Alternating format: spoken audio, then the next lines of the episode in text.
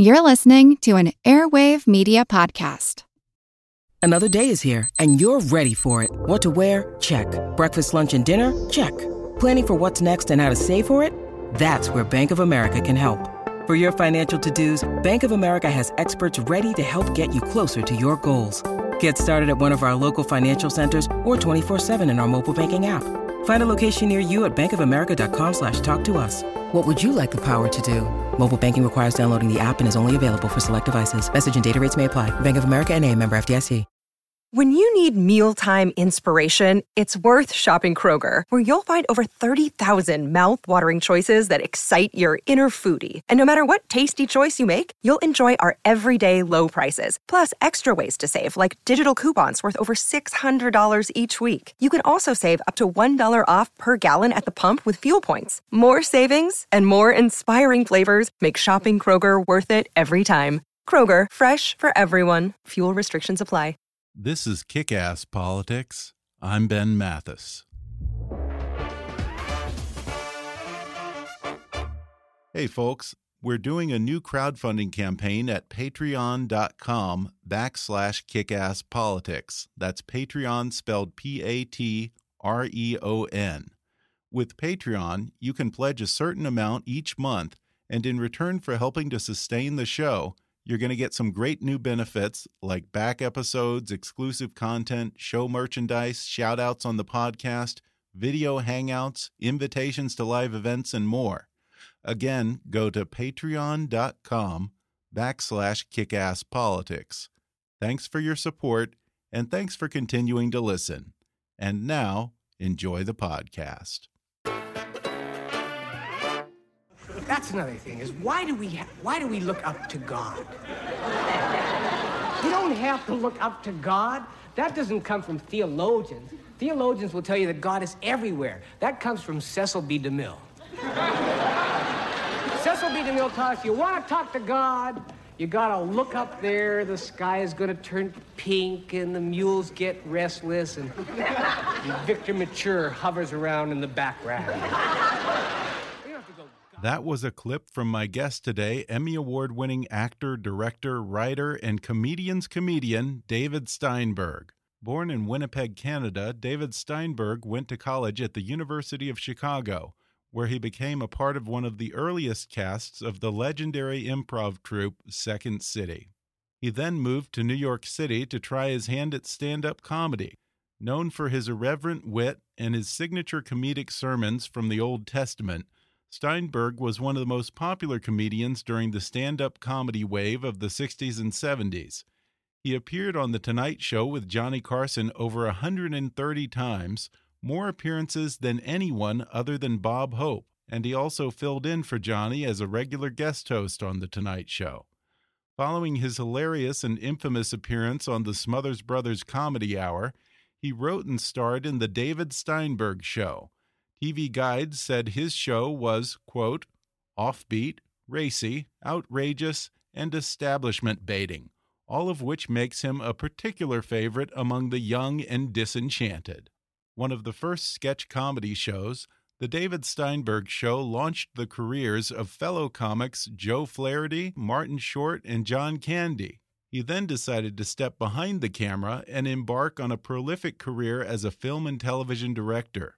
By my count on IMDb, Steinberg has directed seven made for TV movies, three TV specials, and 227 episodes of series television. Many of them some of the most beloved episodes of our favorite sitcoms, including four episodes of Seinfeld, seven episodes of Curb Your Enthusiasm, 15 episodes of Newhart, 37 episodes of Designing Women, eight episodes of Evening Shade, 49 episodes of Mad About You, plus The Golden Girls, The Larry Sanders Show, and Friends, just to name a few. David's been nominated for two Directors Guild Awards and five Emmys, winning two Emmys for his writing on the 1991 and 1992 Academy Awards shows. He also received a Cable Ace Award in 1992 for his stand up comedy special, Cats, Cops, and Stuff. More recently, he's been the subject of a documentary called Quality Balls and he's hosted four seasons of the Showtime series Inside Comedy, where he interviews his fellow comedians, both young and old. A format that he's also translated to a new podcast called, appropriately, the David Steinberg Podcast. On today's show, David Steinberg will talk about how being part of the early days of Second City forced him to raise his game and broaden his horizons as a comedian He'll talk about guest hosting on The Tonight Show and his friendship with Johnny Carson, and how his appearance on the Smothers Brothers Comedy Hour single handedly got the most popular show on television canceled. Plus, being best man at a gangster's wedding, how he wound up on Nixon's enemies list, and why David Steinberg says I should definitely not try stand up comedy. Coming up with comedian David Steinberg in just a moment.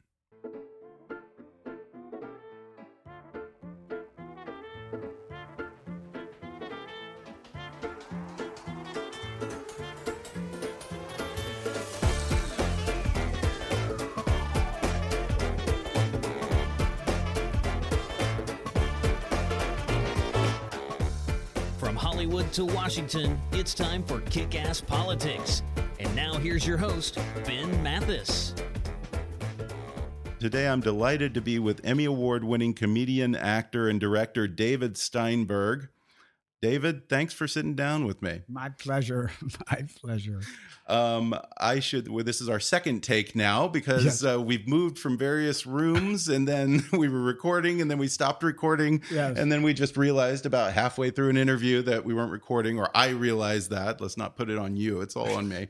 but so we're starting all over again. Yes. It's a very professional operation. Um, I just want to thank you because I, you know, I never really appreciated stand-up comedy most of my life. I always used to go to clubs and I would find myself sitting through five or six comedians, rolling my eyes, you know, waiting and waiting for someone that resonated with me. But it's only after watching your show, Inside Comedy, and listening to your podcast where you mm. actually talk to comedians and talk about their process and the history of comedy and the comedians that inspired other comedians that I started to really appreciate it and want to make the effort to seek out the comedians that resonated with me. Um, who were some of your inspirations? Well, my major stand up inspiration would have been Lenny Bruce. and I got to see him early on when I was at the University of Chicago. Uh, Robert Benedetti, who ran the theater, and Bill Alton, who was from Second City. I would come up and just talk to them all afternoon. They were in hysteric. I was just, but I was doing nothing other than the way in which I dissected my life. And and then one day they said, You've got to go to the Gate of Horn. And I said, Where is the Gate of Horn? I, I didn't know any of that stuff.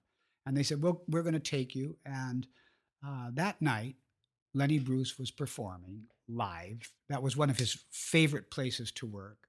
Uh, mostly jazz musicians and very sort of beatniky type people were there.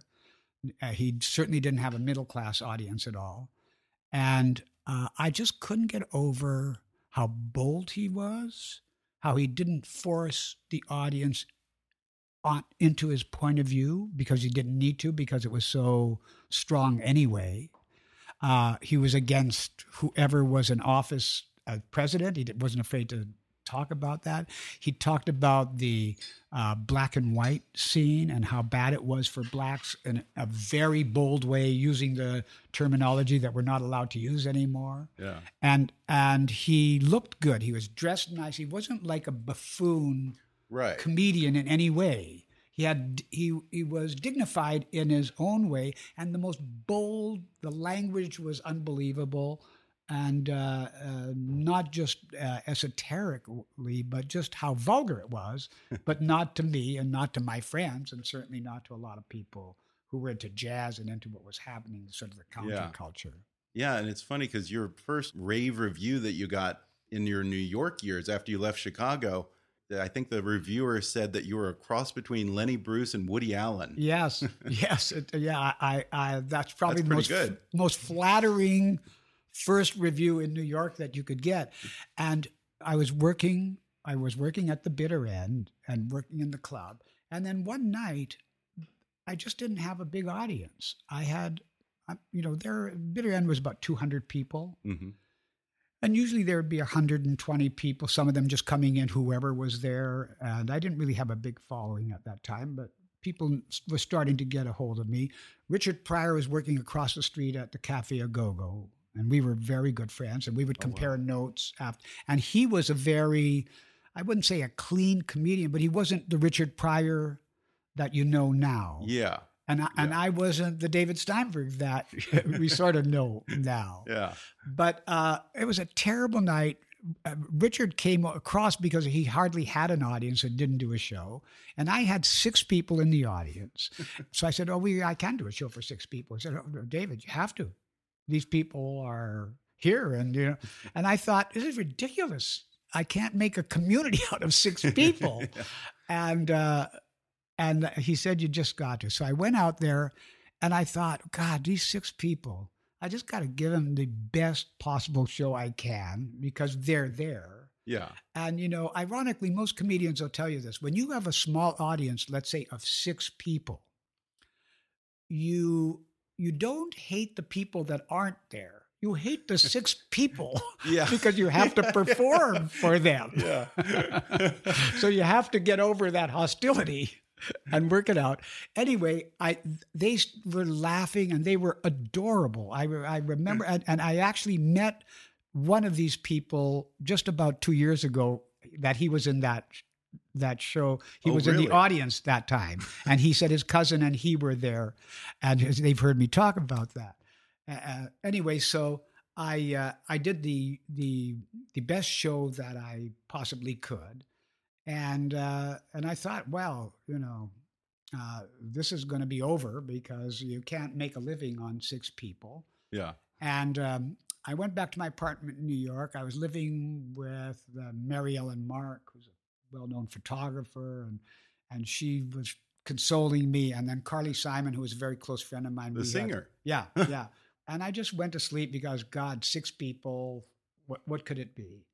And then early in the morning, uh, Carly called. She was, I think, above me at that time with her sister Joanna and Lucy. And he said, he said, Duddy, that's my nickname, but Duddy, have you seen the New York Times? And I said, why? I'm not going to see the New York Times. I'm just getting up. I was up so late. So just, you've got to go down. You've got to, I'll come down in a second.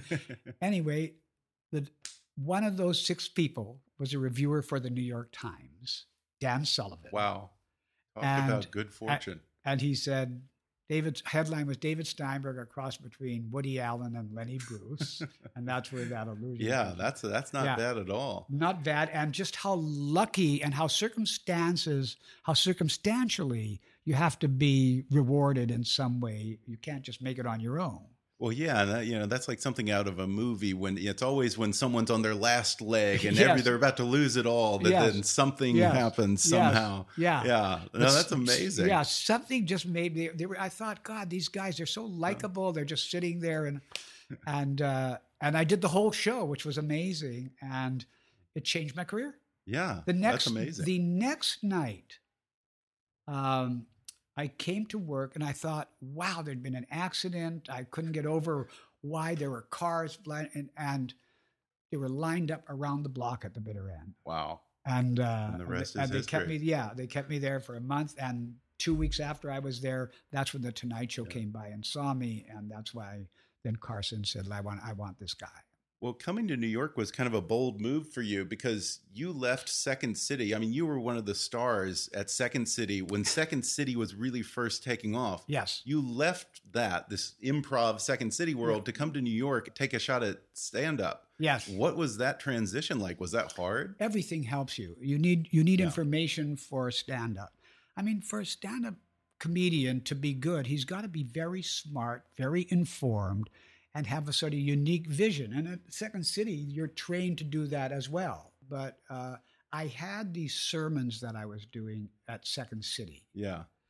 And uh, that got me known. Uh, the Newsweek came around and they started to follow me and things started to happen. You were talking about Second City and how just to thrive in that environment, you had to have all these references. You had to be up on the culture. You had to know history. Yeah. And at some point, someone said to you, as a Jew, you had this reference of all all these stories from the Old Testament. Yes, To I- draw on. He's like, use that. Yeah, I was I was at uh, yeshiva at a theological school when I was 15, so I knew this better than anyone.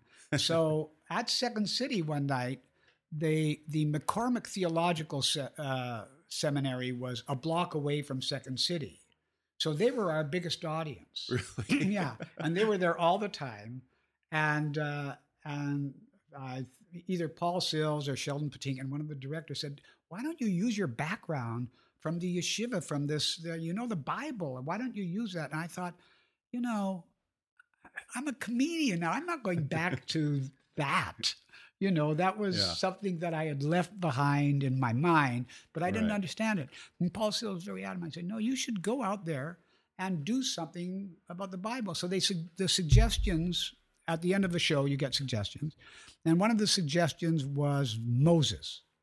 so we were trying to figure out how to do a sketch on Moses, and then uh, Paul Sills came back and said, "David, do a sermon. Go out and do a sermon."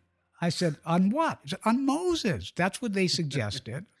so uh, I went out, and of course, I know everything about. I know the story. I know the detail. and as it came out, it just rolled off my tongue, and it was just so much fun and so funny. I didn't even think of how irreverent it was. Yeah, and Yeah. they have recordings of these now of Yeah. these sermons that you would do, and it's funny because it's like you play with the language of the Bible, and Yes. there's so much good source material yes, in there. yes. Oh, yeah. I mean, uh, that night I got one of my favorite lines was, "And God destroyed all of the land with that mystical sense of humor that is only His." so that came right away, and I thought, "Oh, this is gold. I'm going to stay here for a while." Yeah, and that kind of got you in trouble, I guess, a little while later when you I'll were on the. Smothers Brothers show. I'll say. you you have the distinction of being the guy that closed the number one show on television Absolutely. at the time. It was, and uh, it was these sermons that did it. Yeah. Well, you, Why but- was that so controversial? It's not like you were a ranting atheist. No, you but- just found the irony and the humor in, No in Bible verses. Yes, no question. But religion uh, in the 60s, no one had done anything humorously about religion in the 60s. Yeah. So they immediately perceived it as anti religion in every way. Huh. And so the religious people were the ones who went crazy. Tommy Smothers thought, who sort of the creative entity of two of the Smothers brothers, he thought it was amazing and just just do it, just do it. So I took a suggestion from the audience. I did Moses. They loved it. Tommy and I did another sketch from Second City, and uh, then the next week I went back to New York, and then Tommy said, "Come on back and let's do another show." And I said, "Sure." And he uh, he said, "I want to show you something." And we were walking backstage at CBS, and he said, uh, and there was a door there, and he had a, a key to unlock it, and there were duffel bags all over this room. And I said, What's that? He said, Cheerfully. He said, That's your hate mail. I said, What do you mean by hate mail? He said, This is the most negative response that anyone has, any variety show has ever received in the history of television. You got to be proud of that. Just thought- because you were talking about the Bible, just because that Yeah. was your source material. There. yes, you can't Uh, mention God. And what is it? There was a great line as you referenced. Uh, uh, God said in His redundant way, or something Yeah. like that. Take off your shoes from off of your feet, God said in his redundant way. Yeah. there were all these little things like that. Yeah. Were, well, were you surprised when the network called Tommy Smothers bluff and actually pulled the plug on the number one television show over this? They didn't pull the plug Oh, they didn't. on that one. They just gave Okay. an, an extreme warning. And then Tommy Okay. said, come back again. And then we did a, a sketch the next week. Okay. And the next week, after when we did that sketch afterwards, Tommy said, I didn't know that CBS had said, don't let Steinberg do another sermon. but I was, you know, I certainly saw all the negative mail. Yeah. So, and Tommy said, you know, the audience is going crazy for you. Why don't you just do another sermon? And I, you know, basically, I didn't need any preparations. All they had to do was give me any suggestion. Yeah. And uh, they gave me another suggestion. I did it. They, that show never got on the air. and uh, the Smothers Brothers, literally, imagine this today. There were only three networks then. The Smothers Brothers were the number one show in the country. They had just beaten in the ratings Bonanza, which was a huge thing Yeah. on CBS or wherever it was, NBC, and uh, and they took the Smothers Brothers, they threw the Smothers Brothers off the air. How, how does any network exec just ignore ratings like that?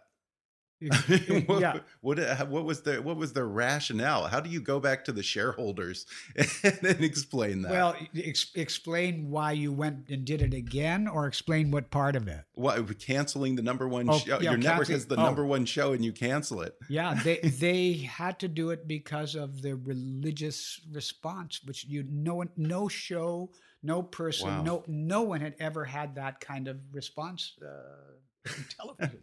Not proud of it, but that's what the story is. Well, yeah, and you you didn't exactly shy away from political controversy either, to the point that you ended up on Nixon's enemy list. I'm Proud, I'm proud to say I was on his enemies. Well, there's a, you tell a crazy story about how you got visited by the FBI one time, and it ended up not quite being what you thought it was. What happened there?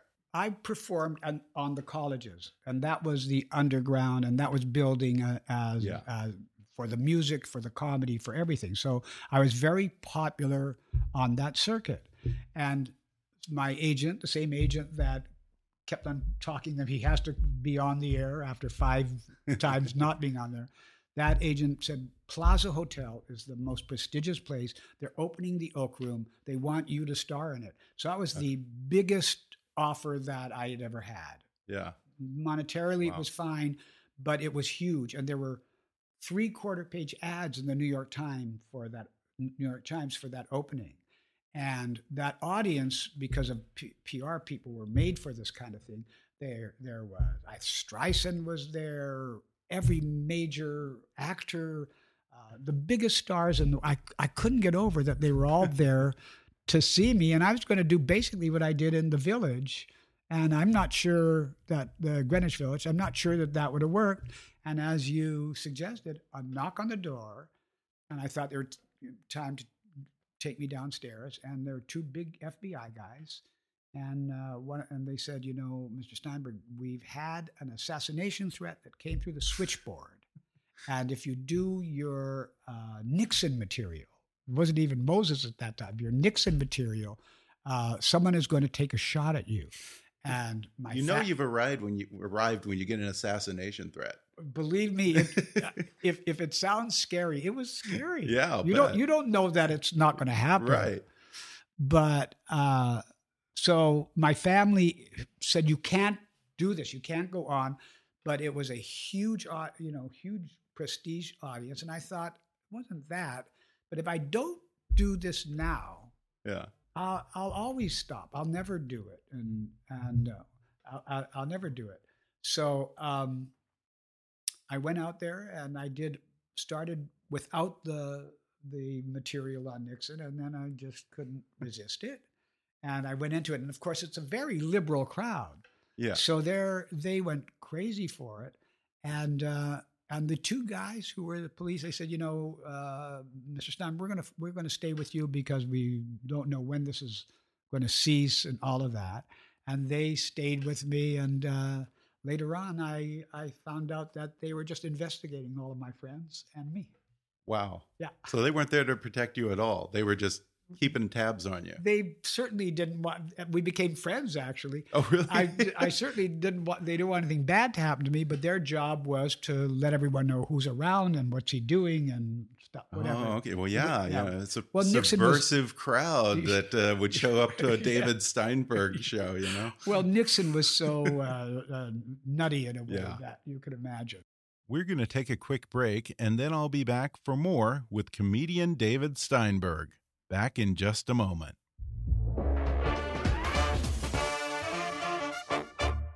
Hey, folks, do you like reading, but you find it's getting harder and harder to make time to curl up with a good book?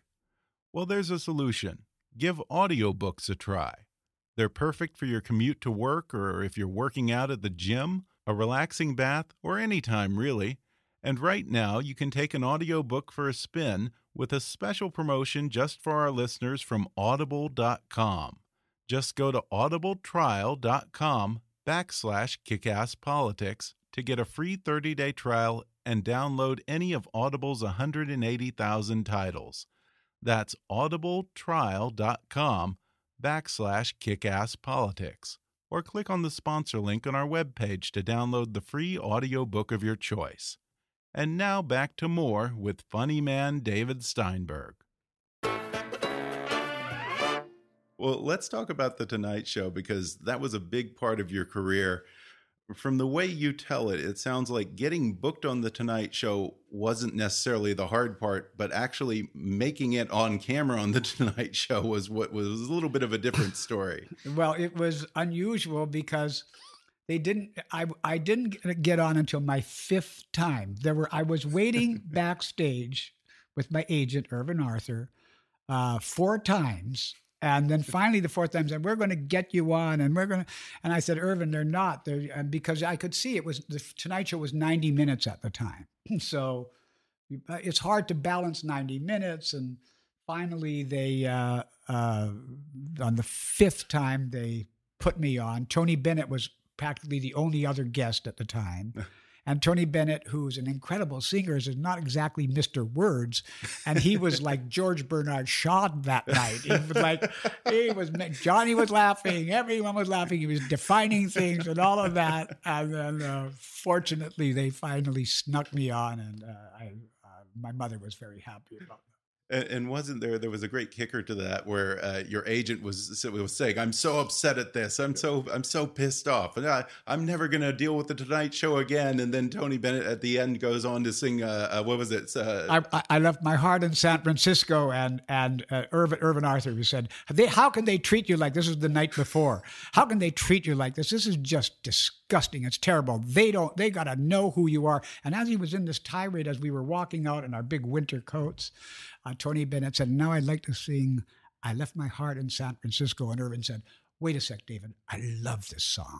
so, so, we had to stay there in our long coats, waiting for Tony Bennett to stab me in the heart. Yeah, the nerve. Sing a song that annoyed me as well. well, you did finally get on, and uh, Johnny loves you. yeah, apparently, we, yeah, we, we, he took to you just instantly. Yeah, we connected. Uh, again, the advantage I had was the improvisation from 2nd mm-hmm. City. So I would never totally plan out what I was going to say, but I gave Johnny subjects, and he would know where the beginning and the end is, and that's it. And he, I said, you must, you must be in it with me. Say whatever you want. Don't worry about where the punchline is, where the story is, and all that. So he was in it with me. Yeah. And then he was as good at it and better than I was at it because he was so fast himself. Yeah. So our connection was hard for the audience. Uh, they didn't know what was happening. Say something incredible is because it's the most of Johnny we see when he's just sitting down behind the desk. And I didn't care if he did the whole thing just so long as it was generally funny, and it usually was and we just learned to play off of each other. And uh, of course, the goal was always to get him pounding on his desk and falling off his chair. And the only way I could do of. that, yeah, by being irreverent. The more irreverent, I, I managed to be irreverent by by getting things said that most people wouldn't get said because just working the words around. Yeah, I think you you probably said a lot of things that would have gotten people uh, uninvited. Correct. and wouldn't be invited back on the show. Exactly. exactly.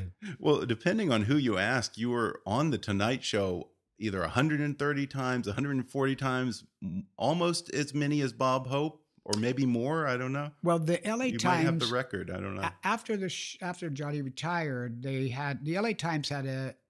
Uh, they had me they had bob hope in the most shows whatever the number was and i was in the second most shows okay uh, but i had I had an advantage because Johnny had me in as the guest host quite a bit too. Mhm. So Right. so I had that advantage over someone like Bob Hope. But Bob Hope had the somehow the most, and I think it was in the area of 130 to 140 shows. Yeah. Well, that's a big deal to get asked to fill those shoes. How how did that how did that even come about? I mean, he he, he must have had a good amount of faith in you He to did. let you take his show. Well, he- he- you know, you and know, sub for him I- sometimes. the advantage I had is that I wasn't like him and Mhm. I wasn't like anybody else. And you look at all these good comedians Albert Brooks, Steve Martin, uh, Woody Allen, Martin Short, whoever, whoever it is, Larry David, their thumbprint is so obvious that it's not like Right. you're in competition with another person. If you're Mhm. really good, no one could be in competition with Steve Martin yeah. he's so unique and so original and so prolific but just just in that way alone if you're good at what you're doing and you're original louis ck they're all examples of it i just go on naming them the irony for me is being a comedian like if you had a reasonable girlfriend and she brought you home and said david's a comedian the parents didn't want any part of this Yeah. in those yeah, days. In those yeah. days, it was awful. now I can't walk down the street in Beverly Hills without some father or grandfather grabbing me and saying, "Oh, Mr. Steinberg, my uh, my son, he's 12 years old and he's a great comedian. Would you mind?" they, they they it's almost like being a doctor used to be for Jews. yeah, you know, comedians finally, after all these years, get a little bit of respect. Yes, and I'm not happy about that. You're not. I like that we're getting respect, but I don't want there to be a glut of comedians because it'll something bad will happen. Oh, well, let's hope not. well, you became friends with Johnny, actually. And I'm curious, what was he like? Because now people think of him as this withdrawn guy who, who wasn't a big social guy and all that. What, what was he like? Oh, Was that's because one of the guys around him that, that he fired, an accountant, wrote a book about that. So they've latched Mhm. onto it. He was an informed guy. He wanted to learn Yeah. things. He was interested in so much the music, the comedy. He read everything, not just because of the show. He was, well, because of the show, he was so isolated that he had to give himself stimulation, ways in which to en- enjoy Right. the culture. He was a very well read guy. He didn't read fancy, liked good stories. And, uh, and for people like me and a lot of people, a lot of comedians and a lot of uh, actors and actresses, he became a champion and he had them Mhm. on and he didn't care what anyone else thought. And at that point, the network couldn't tell him to do anything because he was so powerful. Yeah. And uh, yeah, I mean, he. I, I remember towards the end when he was about to leave the show, I was working and just working out material in a place called the Moonlight Tango, a restaurant nightclub. Oh, yeah. And- I remember that yeah, place. yeah, it was around on Ventura Boulevard. Yeah. and uh, and I said to the guy, I, I'll, I want to work out material, so do not advertise me. So I'll Right. perform for the audience, but it's not fair because I haven't worked it out, and I don't want them to see that. And, uh, he said, fine. And then about 4.30, 5 o'clock, he called me, said, you know, Johnny Carson is coming tonight. And I thought he was just playing a sadistic joke. And Johnny did come. And uh, imagine how excited that audience was. They were not ex- excited to see me as Johnny, but it made it such a Yeah, exciting, incredible thing. So in that way, he was a supportive guy. Yeah, and and there's no one in late night or really anywhere that's fulfilling that role that he did, taking a chance on young comedians, unheard of comedians, Yeah. who had you know I guess the reputation and the power to be able to just throw out someone you know alongside Tony Bennett and all Yes. these superstars Yeah. and take a risk like that. Yeah. I don't know of any anyone that's doing that now. No, because when you're doing the shows now, and there's so many people doing the talk shows, they're all, they're all good. Some are better, some are have good days and bad days, but eventually you all are interviewing the same people. Mhm. It's a rotational system. The uh, the comedians want to be on because they want to be on the road or get their sitcom or whatever it is that they need. But most of them are incredible comedians themselves. Yeah. So you know you've got major comedians as hosts right now. You know Letterman was the most interesting because he was so unique and not Yeah. not afraid of showing his cold side. Yeah. And I I just found that interesting, and I thought it was wonderful. Actually. Yeah. Well, you know, at a certain point, I guess you you decided to take a break from doing stand up and go behind the camera, and you've actually had a pretty prolific career as a director. Yeah. Uh, I see 15 episodes of Newhart, 37 Designing Woman, uh, four Seinfelds, 49 episodes of Mad About You, uh, and I think you won a couple Emmys for that. I did. Yeah. Seven uh, Curb Your Enthusiasms, including some of my own personal favorites. Um, I'd be very curious as a director on Curb because it's even though it wasn't necessarily the first single camera comedy, it was so groundbreaking Yeah. in in the process that Larry used of you know he would kind of sketch out this treatment or outline of what he wanted to do and let the cast kind of work it out Yeah. in real time. So what for you as a director working with him on that, what was that process like? Well, as a director, I was sort of a writer director, so Okay. so that made a big difference. So I'm in the writing room with them, and hmm.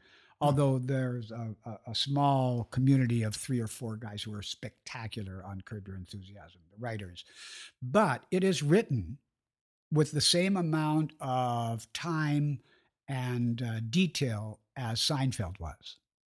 Really? Yeah. It is written. It's written. It's just that the dialogue uh, will start a line or two, and that's it. Mhm. And then you hire the person, and you make him stretch and say or her to w- what it is that you're doing. And when we first started out, the first show was just didn't work at all. It was a disaster. And I was doing a show in New York, and uh, Larry wanted to wait for me. And why did we do that first show? Anyway, they they just that first show they just threw it away and i came in for the second show but they didn't know how to do improvisation they could improvise because they're smart and writers but they didn't know that you don't just start from scratch you have beats like in a Mhm. song Right. and now that's very common you hear that from comedians but at that time no one even knew what that was but uh, but so you it every single show is written as detailed and as hard as Mad About You was, Okay. Designing Women, any of the shows that I worked on, So maybe he- even more show because they never Okay. stopped writing. 'Cause- So he sets up the, or you guys would set up the situation, and then would you put in certain lines No. that to work around, or it was all that was improvised? Uh, y- y- uh, Larry would have lines, Okay. you know, because we wouldn't we were writing it. And Larry would Larry would have lines, and the uh, the actor, whoever that was, uh, we just let him respond, and then we would give him lines and say this and say that. All good actors can improvise. Yeah. so long as they get a feeling of what the character is. And then we gave them the boundaries and like that. The first show I did was Ted Danson, and yeah, it was Ted Danson. It was Ted Danson, right? And uh, and his wife. They both they were both on. Oh yeah. yeah, Yeah. And uh, and Ted had Oh, never done one. it before. They're friends of ours, and uh, Ted Ted was they were and Julia they both they were both petrified to do this. they said, "What do you mean we can't?"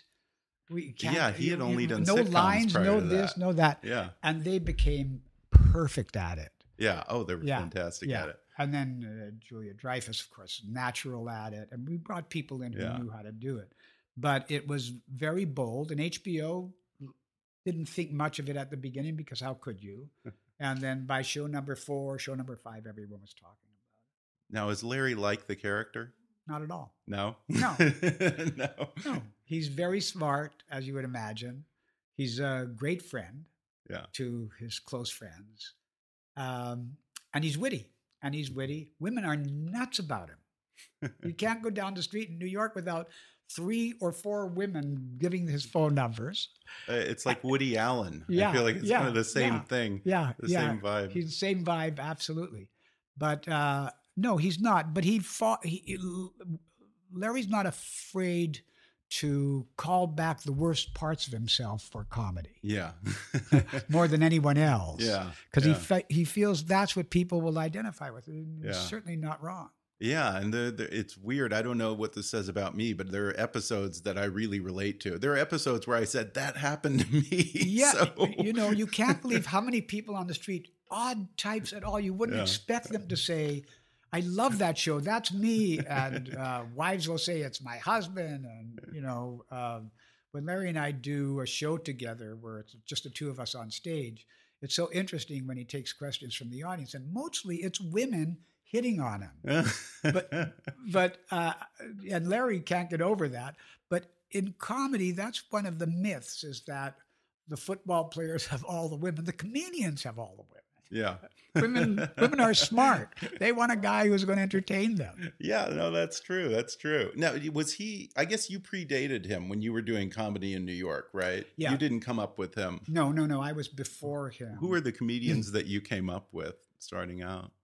Oh, I remember just a few. Gabe Kaplan was around at the Mhm. time as a comedian. Uh, uh, he used one of my pieces as one of his stepstones, but he he was uh, but he he became this incredible card sharp. You know, he he's he plays. He plays poker for a living and is making more money than all of us. yeah, Wow. Gabe Kaplan, and Yeah. and, and he, but he was a good comedian. Huh. Um, you know, uh, I can't remember Richard who- Pryor, you mentioned Well, him. well, and- well. The good one, yeah. the George Carlin was up there and immediately good. Richard Pryor was good, and uh, both of them were friends of mine. Richard I, and I were really good friends, uh, especially since we worked across the street from each other. Mhm. But George, uh, one of the most compassionate people that you could meet, and n- none of the cliches about comedians are in these guys at all. They're usually, yeah, not depressed, suicidal. no, no. There are there are depressed, is suicidal. stereotype, yeah, yeah, though. Yeah, I- i- Is that bullshit? The whole stereotype Yeah. of to be funny, you have to have all these issues and be miserable and depressed and Yes. suicidal or on drugs. yes. You, it, it's a myth. You, but you have to, you have to have had. Uh, you, if you've had a great childhood, a w- wonderful parents, perfect kids, and a great wife, you're going to make a lousy comedian. Let's face it. really? Is that Sure, yeah. okay? Yeah, you've Okay, got to have. have some angst. You've got to have been up against the wall. You've got to know what it's like for people to identify with you. That's why Larry's so popular. He's on Right. the most vulnerable parts of himself and willing to show it to everybody. More recently, you've been the comedian who interviews other comedians for Yes. sit down comedy on TV Land and Yes. inside comedy on Showtime, the David Steinberg podcast. Do you see yourself now as sort of an archivist of, I don't know, all this comedic history and these stories? No, I'm not a historian type, and especially for comedy. I just know it. I know everything about it because Yeah. it's been my life. But uh, no, I, I didn't think anything of it. Uh, these are all friends of mine. Yeah. Uh, some a lot of them I've helped start their careers. A lot of them have struggled, and I, you know, and and a lot have been help really helpful to me. So, I I you know the way um, musicians love to be with other musicians. Mhm. Jazz musicians Yeah. like to be with jazz musicians.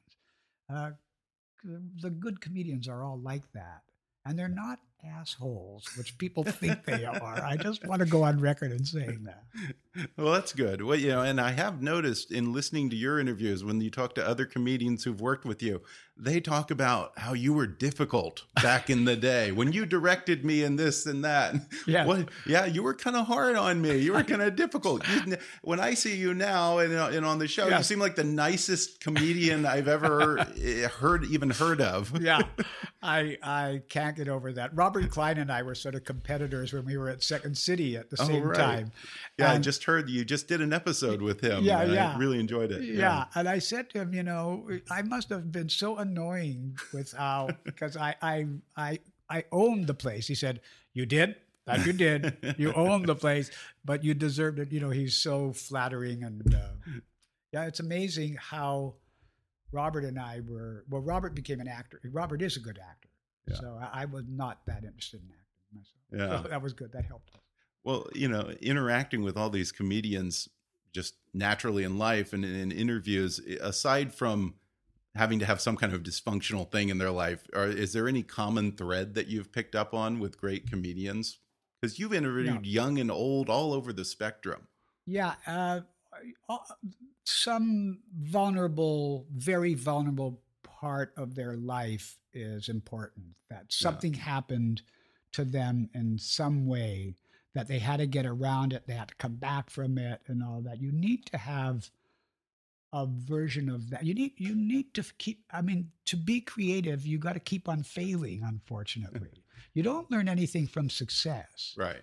But once you failed, you figure it out, you come back, and then you beat that. Well, then you're on the path of sort of doing it right, as far as I'm Yeah. concerned.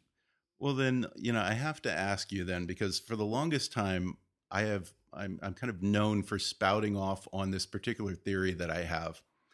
I tell friends all the time, I think everyone, not just comedians, but everyone should have to do a five to seven minute set at an open mic night. In my mind, I have Yeah. this theory that, that for anyone, doesn't matter who, that would be some kind of profound growth experience uh, in terms of humility and Yes. empathy and you know learning about yourself and all kinds of Yes. stuff. Yes. Uh, am I out of my mind? Well, most people would find out how truly boring they are. Yeah, yeah, yeah. I'm prepared for that. Yeah. Uh, after that, uh, who cares? You know. Uh, but comedians are not boring. Yeah, that's for sure. Well, you see, now all of my friends they they've started to call me out on that. I'm like, you always say that, but I've you've never actually done it. So Yes. yeah, one of these days, I think I'm going to have to actually try it and back up my BS here. Uh, any advice for me? uh, don't do it. Don't do it, really? yeah. really. Okay, it's a Pandora's box. It's not going to be rewarding in the way that you think it is rewarding. Really? Yes. See, Uh, I think that I would. I, I feel that I'll be a better person after going in front of a crowd and being humbled, or or or maybe I'll get up there and kill. Probably not. No, talk to your minister and he would agree with you. Okay. Talk to another comedian, say, why go through all that shit Really? when you don't have to? That's true. Okay. Okay. So there's nothing to be gained. really. Not Okay. really, no. Yeah. Well, it was like acting. It's like, you know, anytime one comes to LA, someone comes to LA and they want to be an actor, I'm like, if you can be happy doing anything else on earth, Yes, do that. Yes. This is not something Yes. that's a hobby. exactly. exactly. well, before we go, I have to ask you because I was reading your Wikipedia. Uh, you know, I'm it's talking about Second City and Johnny Carson show, and then you know stand up comedy. Then all of a sudden, there's like one line there that says, "In 1972, Steinberg was best man at the wedding of his friend gangster Crazy Joe Gallo of the Colombo crime family." Yeah. Now, can you talk about that, or are you still bound to the code of omerta? no, it was never a maritime. Okay. But uh, but I, in fact, I uh, I do talk about that when I when I do stand up these days. I've been doing it a little bit in uh, at Rick Newman's club in New York. Uh, what's it called? The uh, tri the Triad. Yeah, I've been doing it there for about 200 people. I don't do anything topical and contemporary, a la the way in which comedians do. okay. But I talk about how I got from there to here. hmm And in that is being best man at Joey Gallo's wife. The irony of, of, of Joey Gallo's wedding, the irony of that is, is that I've accomplished a lot of things and I'm proud of all my accomplishments. If you IMDb me, all people talk about is he was best man at Joey Gallo's wedding. It does kind of stand out on your does. Wikipedia. yeah, it does. Uh, do, you- do you know who Ann Biderman is? She she she writes. The name's familiar. Remind me. Uh, she she's on Showtime. Ray Donovan is her show. She's the Oh, writer right, of it. right, right, yeah. She met Robin and I because she couldn't get over that I was Joey Gallo's best man, and she's obsessed with Joey Gallo and wants to do a movie. Wants to write a movie. She's an incredible writer herself. yeah, because he didn't have a long life, did no, he? no, no. The night that uh, that he was shot, I was with him actually, and didn't Really? go to the second. Yeah, it it's another interview. Yeah, and, and- okay. and it's another, but okay. but I'll, I will tell you this: uh, I liked him, and I and I knew that he, you know, And and you knew who he was. Oh, I knew who he was. was. Not a yeah a mystery to you. no, Okay. he said something to me when I met him. He, he Jerry Orbach was What, was what do you say? You're you're a funny guy. Hey hey No, hey he- Steinberg, come here. You're a funny guy. no, no, he, no he, You. he said something that I knew I was going to remember for the rest of my life. And that is because we got to talking a little bit. We were having brunch at Jerry Orbach's, and he said, he said, uh, you know, David, uh, In Attica, you were everyone's favorite. I'm kind of I'm not even sure how I would take that. what does that even mean? I, I, just I just knew I was going to remember it for the rest of my life, yeah. and I do.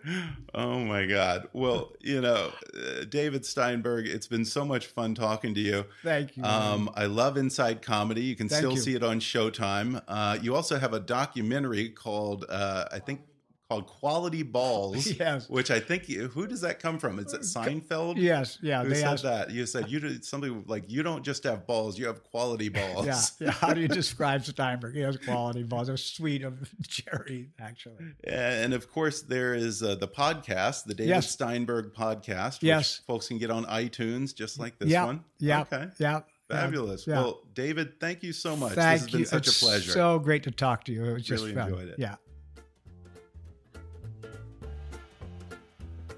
Thanks again to David Steinberg for coming on the show.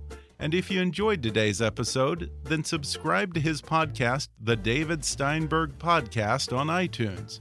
Some of his recent guests have included Bob Saget, Robert Klein, Mel Brooks, Martin Short, Eugene Levy, and many more. It's comedians talking to comedians. What could be more fun than that? So I'll include a link to that in the show notes and on our website, as well as a link where you can order that interesting and hilarious documentary on David Steinberg called Quality Balls. You can also watch episodes of the past four seasons of Inside Comedy on demand on Showtime. You can visit David's website to keep up with what he's up to at thedavidsteinberg.com and follow him on Twitter at David underscore Steinberg. He's one funny guy. Please subscribe to Kickass Politics on iTunes and leave us a review while you're there. And you can also help us reach our fundraising goal for the year and get rewarded by donating to our Patreon campaign at patreon.com backslash kickasspolitics. Follow us on Twitter at, at KAPolitics or visit Kickass Politics on Facebook. And while you're there, recommend Kickass Politics to your friends on your social media. And as always, I welcome your comments, questions, and suggestions at comments at kickasspolitics.com. But for now, I'm Ben Mathis, and thanks for listening to Kick Ass Politics.